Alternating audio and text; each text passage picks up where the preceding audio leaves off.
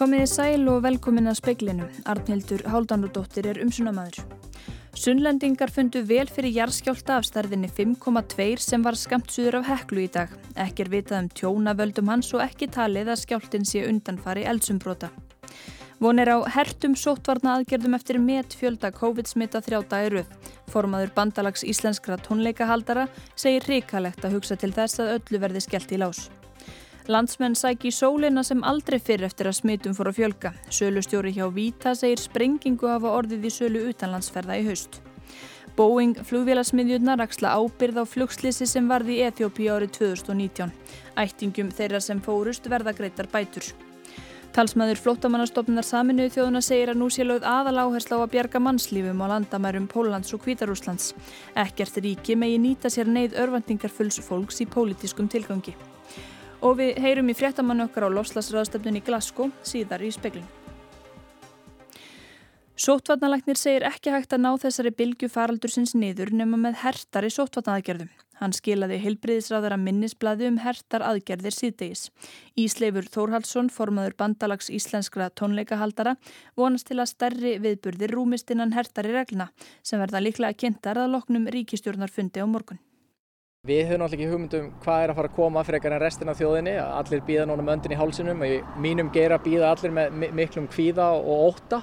En við, ég vona og við vonum að það sem við höfum verið að segja undarfarnar daga ná í gegn að það er ekki hægt að setja alla samkomur undir einn hatt og við vonum svo innilega að þau muni beina aðgerðunum í átt að vandamálunum en ekki slengja þeim bara út um allt samfélag. Og við viljum meina að það sé hægt að halda skipulaða tónleika á ábyrgan hátt, númuru sæti, grímuskylda og allir í skyndipróf án þess að það sé hætta og það, og það sé nógu örugt og það far ekki að skella þessum bransa aftur í lás rétt fyrir aðalvertíðina vegna þess að við einfallega þólum það ekki. Þessi geiri er í sárum, fólk er að hverfa til annar að starfa, við höfum erfiðar um að fólk til að starfa fyrir okkur og það er hrikalegt til þess að hugsa að það eigi að fara að skella öll í lás enn einu sinni.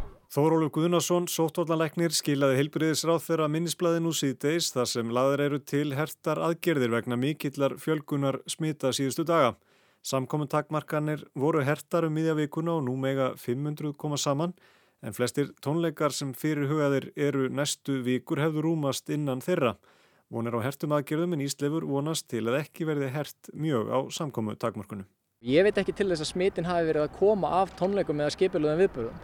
Þannig að Ég, hérna, við erum orðin pinkulítið þreytt á því að það er alltaf að skelli lási okkur að því við erum ekki að breyða út smittin. Segir Ísleifur Þórhalsson, Bjarni Pétur Jónsson tók saman. Jærskjáltafstærðinni 5,2 reyði yfir Suðurland í dag. Skjáltin átti upptök sín í vatnafjöllum og fannst víða um sunnanvert landið. Skjáltin er ekki undanfari eldgósi heklu að mati vísindamanna. Skjáltin var rétt fyrir klukkan hálf tvö í dag. Hann átti upptökum 7,5 km söður af Heklu í grend við Vatnafjöll. Skjáltavirknin hófst um hátegispill og hafa þó nokkrir eftirskjáltar mælst í dag en engin yfir þremur af stærð. Vísindaráð hitti síðdeis á samt almannavörnum á óformlegum fundi. Pál Einarsson, jarðælisfræðingur, segir skjáltan dæmigerðan Suðurland skjálta, þó hann sé í austur hluta skjáltabeltisins. Svipaður skjálti varð á þessum slóðum árið 1987. Sá var sexa stærð. Hann segir skjáltan ekki vera undanfara heklugos þó að hún sé vissulega komin á tíma. Yfirleitt fylgir lítil skjáltaverkni heklugosum. Páluna Kristinsdóttir er vestlunareigandi á landvegamótum skamt vestan við hellu. Ég fann hann og heyrði svona aðeins í honum en bara manni bregður og hröndi svona nokkur létt stykki niður úr hillum en það var engin skadi. Einstinni þá er maður bara svona smá kvíðin eftir 2014. En mitt fannst þetta minna á hann? Nei, nei, það var ekki það, heldur bara uh, þessi tilfinning. Hann var langur, komið svo hann kæmi uh, vestana á leiðin östur úr. Ég var nú að tala í síman, var að senda inn pöntun þegar að, að þetta reyði yfir og svona, hann vel fyrir honum bara. Þessi sem ást að tala við, skildi hann eitthvað, hvað gekk á?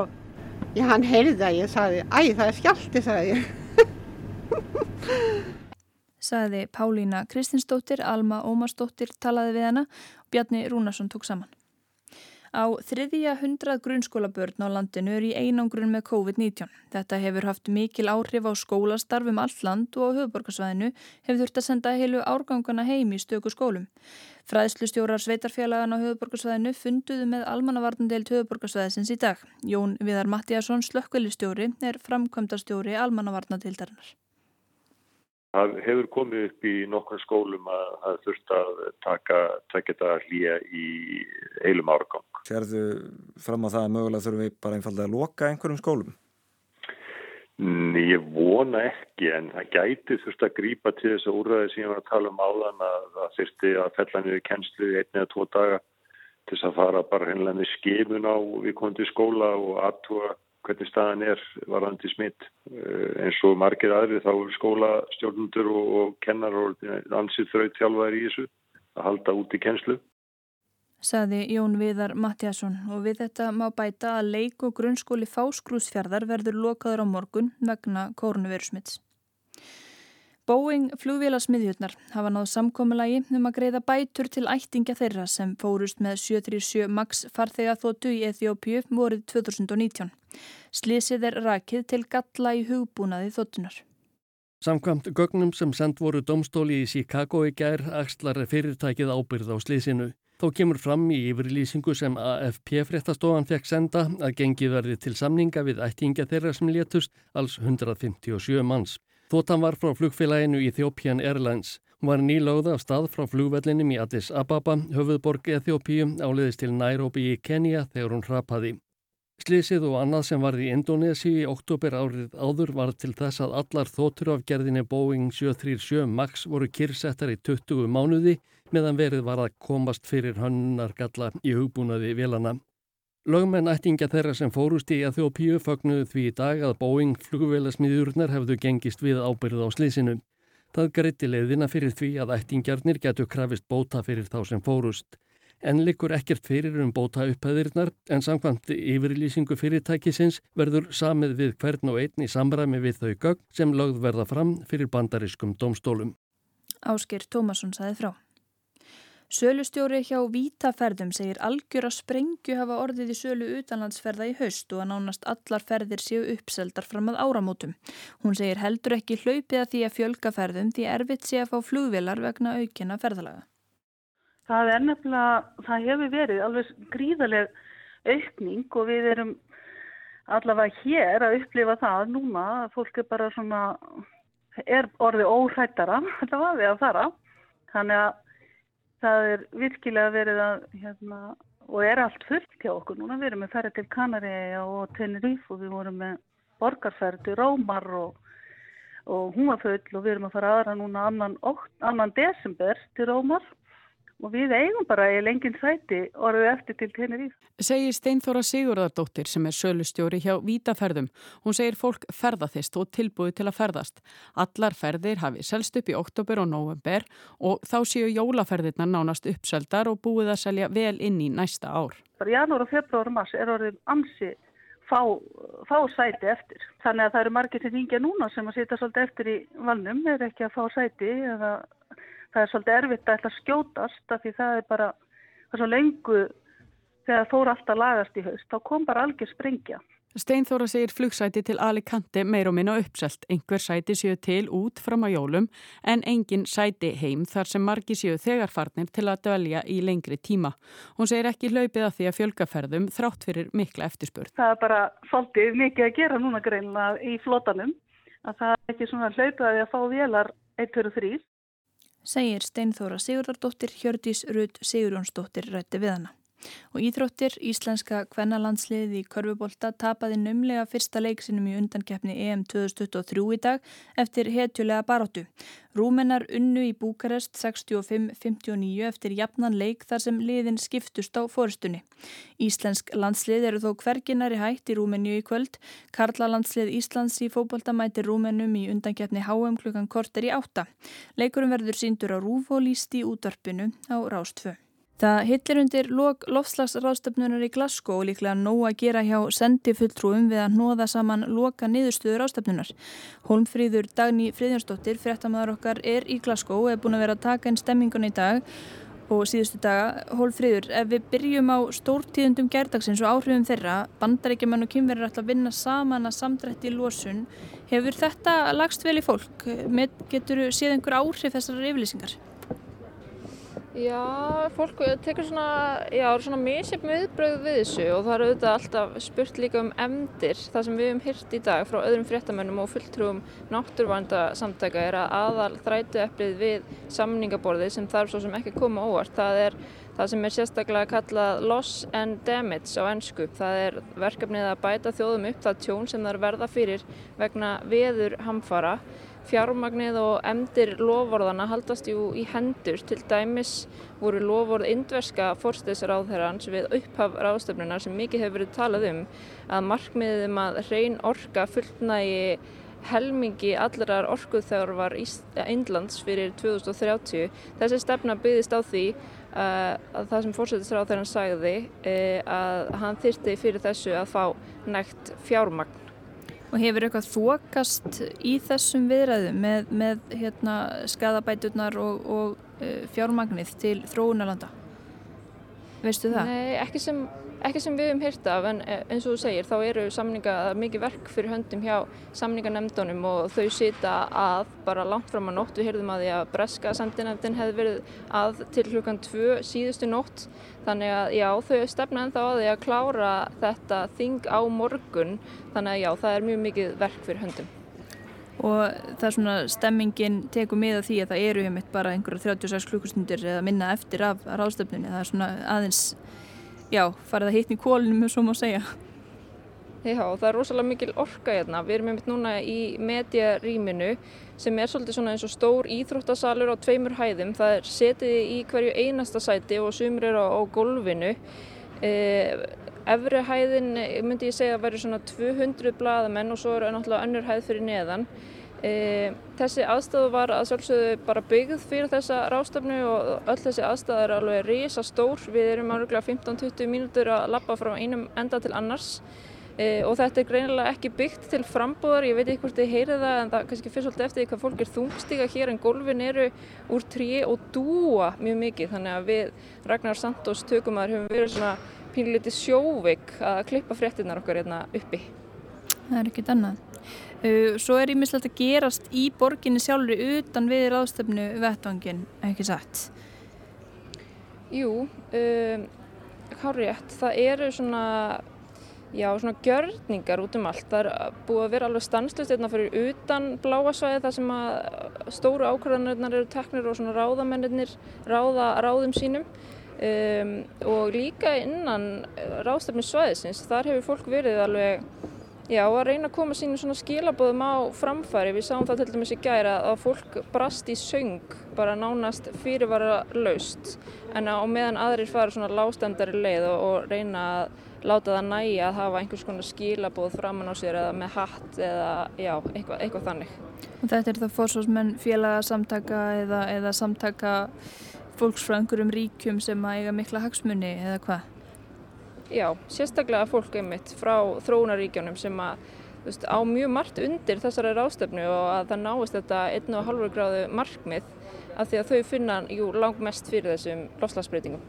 Þannig að þetta er svona eins og, já, allir heimurinn sé samankomin hérna í einhvers konar heimstorpi.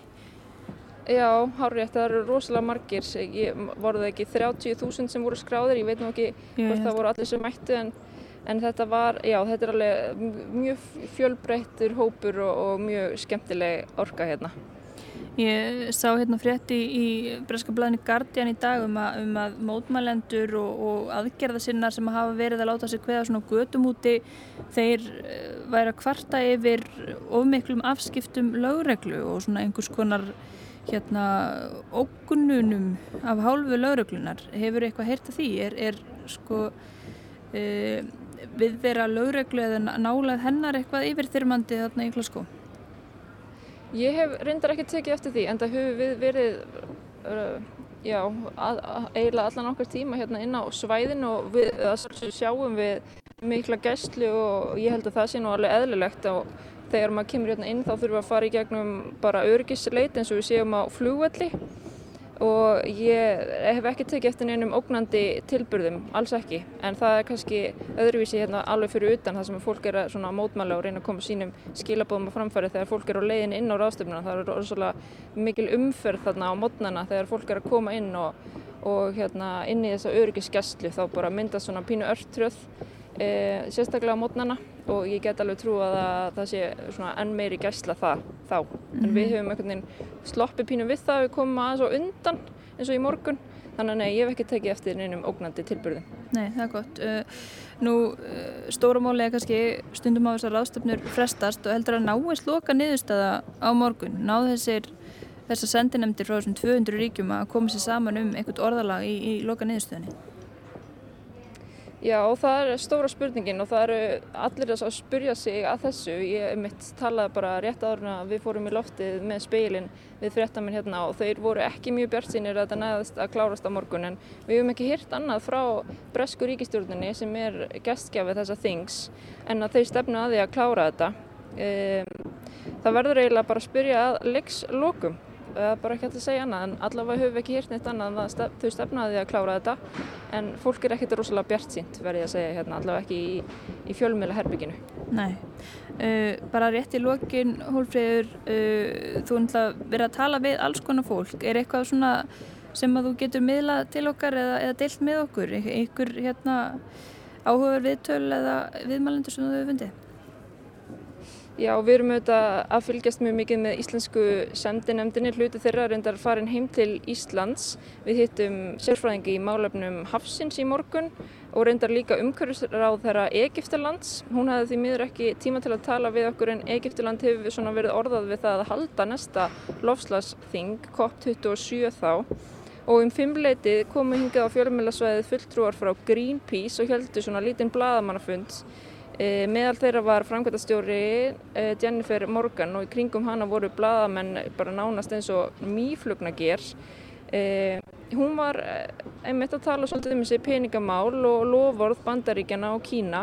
Hún sagði að það mætti ekki vera toppurinn eða svona markmiðið, já toppurinn á þessari ástafnu heldur gólfið sem mætti svona byggja áfram á næstu ár. Við tókum stuttu viðtala við hennar sem verður vonandi ná að sína það í tíu fréttum okkar í sjómarpunni í kvöld. Já, við fylgjumst að sjálfsögja áfram með því.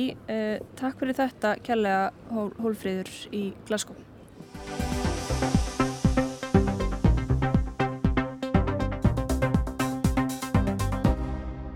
Hjálparstarfsmenn flóttamannastofnunar saminuðu þjóðana fengu í dag aðgangað tjaldbúðum nokkur þúsund hælisleitenda við landamæri Kvítarúslands að Pólandi. Fulltrúi stofnunarinnar segir að samtökin leggir nú aðal áherslu á að bjarga mannslífum en að til lengri tíma leti sé bringt að finna lausn á vanda fólksins. Ástandið í þjættum skóginum skamt frá kvítrúsneska landamærabænum Kusnitsa stegmagnast dag frá degi. Nætur frostið er farið að býta, flóttamenn sem margir hafi verið fastir á landamærunum dögum saman eru margir orðnir matarlausir og stjórnvöldi í Pólandi og Kvítarúslandi hafi verið tregt til að leipa hjálparsamtökum að. Pólverjar hafa lokað fyrir aðgengi hjálparstarfsmanna og bladamanna landamærunum sín megin á grundvöldi neyðarlaga en í dag eruðu tíðindi Kvítarúslandsmegin. Elisabeth Arnstorf Haslund, talsmaður flótamannarstofnunar saminuð þjóðuna á Norðurlöndum og Ístrasalslöndunum, segir erfitt að meta aðstæður á svæðinu vegna aðgengisleysi síðustu daga en að stofnunin hafi þungar áhyggjur, engum að berskjölduðum hópum eins og börnum, konum og öldruðum.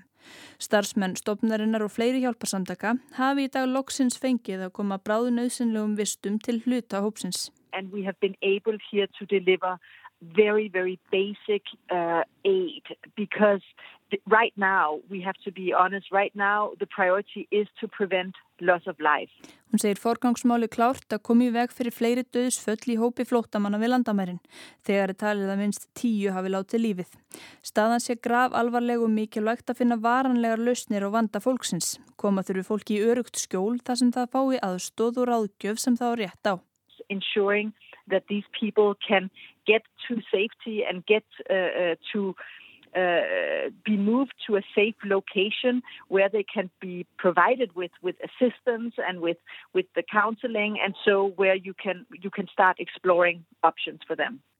Haslund segir aðstæður þessa fólks misjafnar, sum í hópnum eigi líklega rétt á alþjóðleiri vernd eða því að saminast fjölskyldum sínum sem þegar hafi fengið vernd í Evrópu. Evrópusambandi sakar Alexander Lukasjenka, leðtoga Kvítarúsland, sem um að nota flóttamennina sem vopni í rimmu sinni við sambandið. Fréttaskýrindur telja sumir að hann heikist halda áfram að skapa spennu á landamærunum í vonum að kúa Evrópusambandið til þess að létta á viðskiptaþvingunum gegn ríkinu sem kallað hefur verið síðasta einræðisríki Evrópu. Hann vilja auk þess graf undan almennum stöðuleika í álfunni. Eistrasaltsríkin óttast um öryggi sitt og talja ástandi jafnvel geta leitt til hernaðaringripa og síðdegis í dag kom öryggisráð saminuðu þjóðana saman á neyðarfundi til að ræða stöðuna og hugsanlegar lausnir. Lukasjenka hefur verið fórseti Kvítarúslands frá árinu 1994. Hann var endurkjörn í fyrra en flestar alþjóða og mannrettindastofnanir efast um að þær kostningar hafi verið líðræðislegar. Stjórnvöld hafa í kjölfarkostningana gengið hart fram gegn mótmælendum og frjálsum félagsamtökum, fangelsað og pinta þúsundir og mörg hafa flúið land. Meðal annars mótframbjóðandi Lukasjenka, Svetlana Tikanovskaja. Evrópusambandið hefur brugðist við harðræðinu með viðskiptaþingunum, dreyður kaupum á ólíu og kaljum karbonati, efni sem notaðar til að framleiða áburð. Þá bannaði sambandið hvít rúsneskum farþegaflugvelum að fljúin í lögsögu þess eftir að þóttu ræjanir á leiðmilli Gríklands og Litáen var óvænt lendi Hvítarúslandi og stjórnar andstæðingur um borð handtekinn. Lukasjenka segist ekki lengur hafa tök á að standa við samningum að varna því að flóttamenn streymi óhindrað gegnum landið frá mið Östulundum og til Európa-samvatsins. Svo ítla hafi viðskiptað þvinganirnar bytið. Flóttamennir koma margir flugleðina til landsins frá Bagdad, Istanbul eða Beirut eftir að hafa orðið sér út um vegabrefs áritun ætlaða ferðamönnum. Framkvæmdastjórn ESB segir að Lukasjenka hafi reynlega narrað fólk til landsins á fölskum forsendum í því skinni að notfæra sér það sem politist bitvein. Þetta sé ný stríðstækni þar sem almennir borgarar séu notaðir sem vopn. Haslund segir flóttamannastofnun saminuðu þjóna hafa fordæmt þessa tilburði síðan fóra örla á þeim í sumar. Ekkert land megi misnóta og blekja örvandingarfullar manneskjur til að ná fram politískum markmiðum. This is completely unacceptable. Síðustu daga hafa pólitísku deilutnar stigmagnast. Póland hefur sendt 15.000 hermenn til að verja landamærin og fórseti Evrópuráðsins hefur viðrað hugmyndir um að reysa vegg á landamærunum sem tækið þó við af gattavirskýringunni. Póland hefur ekki aðgrind fyrir að hleypa flóttafólkinu ekki inn í landið og neytaði þar með um rétt sinn til þess að sækja um hæli. Lukasjenka vænir Evrópusambandsríkin þar með um tvískinung. Þau séu lítið skári en Kvítarúslandi í mannrettindamálum. Og í dag hótaðan því svo að skrúa fyrir gasi til Evrópu en gasleðsla frá vinaþjóð Kvítrúsa, rúsum, liggur frá Jamalskaga og í gegnum Kvítarúsland yfir til Evrópu. Evrópusambandsríkin íhuga frekarir af segðgeri gegn Kvítrúsum. Það verða líklega kynntar í næstu viku að sagn AP fréttastofunar. Síðustu nætur hafa flóttamönnir ítrekka reynd að komast yfir landamærin. Pólskir landamæraverðir segjast hafa stöðahátt í 500 slíkar tilraunir í nótt. Haslund segir skilabóð flótamannastofnunar saminuð þjóðana skýr. Í fyrsta lagi verði er löndin að hleypa hjálparstarfsmunum inn á svæðið.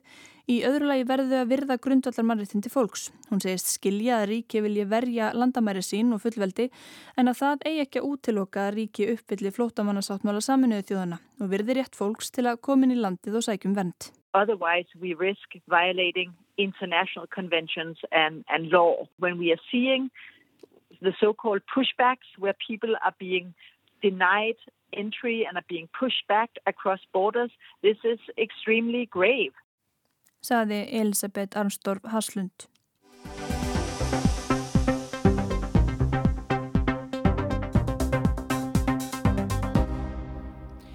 Breskir þingmenn mega sinna launuðum störfum auk þingmennskunar en það er haft eftirlit með því að þeir brjóta ekki reglur.